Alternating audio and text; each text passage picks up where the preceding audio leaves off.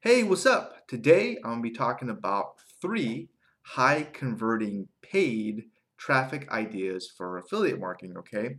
Now, when it comes to buying traffic or buying advertising, you just have to be careful not to spend yourself straight out of business, which can be easy to do, really. So, patience is a great thing to have with a business, and just kind of thinking long term, okay?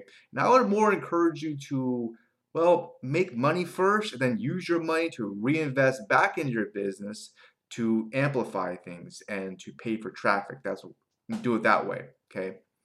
Uh, so what's very important when it comes to affiliate marketing is your sales funnel. It really is. Some people think it's oh if I just got more traffic, but the truth is the sales funnel is very big. Okay. If your sales funnel is garbage, mine was for a long time, you're just gonna lose more money. Okay. So you have to be careful of that. All right. Now, another thing too with people in general is some people buy right away, okay? But most times people most people you get to build a relationship with. It takes time for them to get to know you and everything, okay? This can also apply to traffic, okay? And paid traffic. So, what I mean by this is instead of driving traffic traffic directly to your affiliate offers, your squeeze page, uh, you can drive your traffic to a good video that you made or a good article or a pre-sale page to kind of warm them up, to build a relationship with them, okay? Uh, and this can really help you with conversions too, okay? It really can. Uh, plus, what's even cool about this idea is you can pay even less for the traffic, and that's good because I am cheap. I am a cheap, cheap, cheap, cheap guy. All right. I like saying that. Uh, now, another really cool thing about traffic too, and this involves paid traffic as well as free traffic, is it comes down to supply and demand, right? Economics. If there's a low supply and not many, if there's a high supply and not many advertisers are there, then the price is going to be lower. Okay, so that's what you're looking for, and this is called arbitrage. Okay, arbitrage, attention arbitrage. This is what I'm talking about, right? So, a great idea, a good place for you to check out when it comes to advertising is Bing ads. Do you know what Bing is? And why it's a great place for paid traffic? No, it's not a it's not like a cryptocurrency, okay? It's a search engine. Yeah, it is, okay?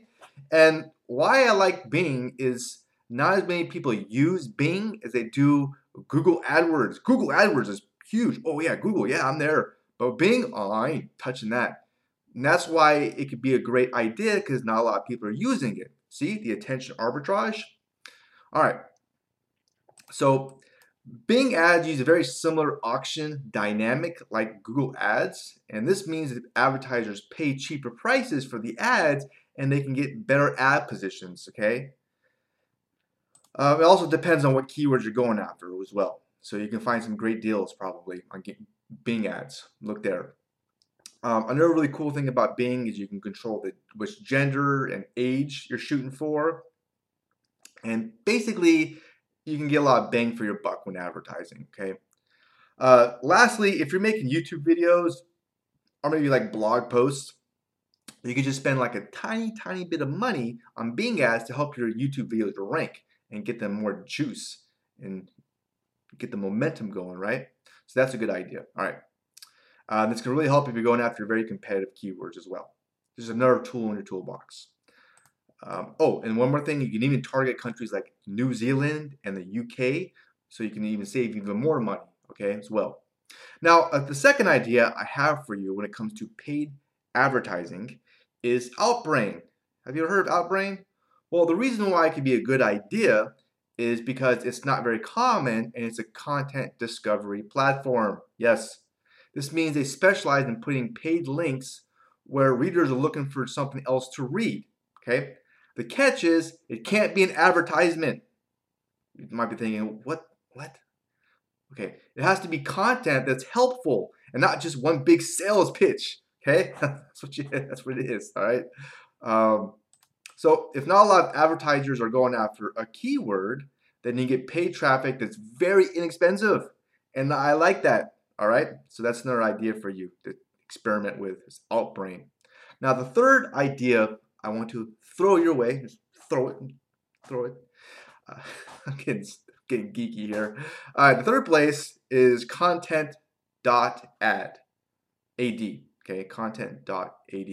Now, what's interesting about content. Ad is that the website will give you different pricing ranges uh, for your, your campaign depending on what you're promoting. Okay, so if you're promoting a blog article, maybe an ebook, a video, or something that's not really like a big sales pitch, then you can get clicks for a few pennies.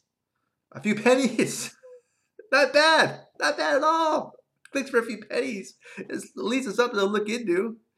Uh, all right, so I just want to throw those three ideas your way. You can kind of look into them more, experiment with them, but just be careful not spending too much money and going crazy. Okay, that I just want to I've done that before. I have. I made the mistake of going, oh yeah, I'm gonna blow. I'm gonna be rich. I'm gonna blow all this money, and then you'll you'll get the bang for your buck. So you have to be careful when it comes to paid ads. Okay, but I want to kind of throw this uh, these ideas your way. Okay, give you some food for thought.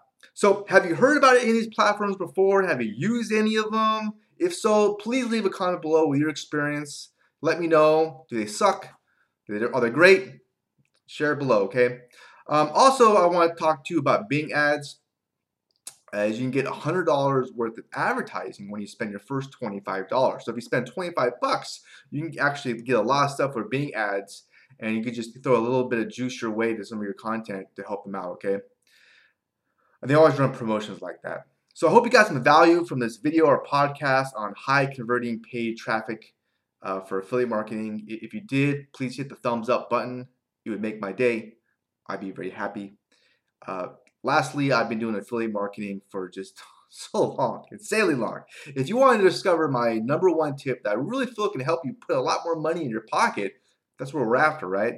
And really help you grow your business, then just click that link below or go to trustthelink.com, okay? So I wish you the best. Have a very fun and rest of your day. Take care.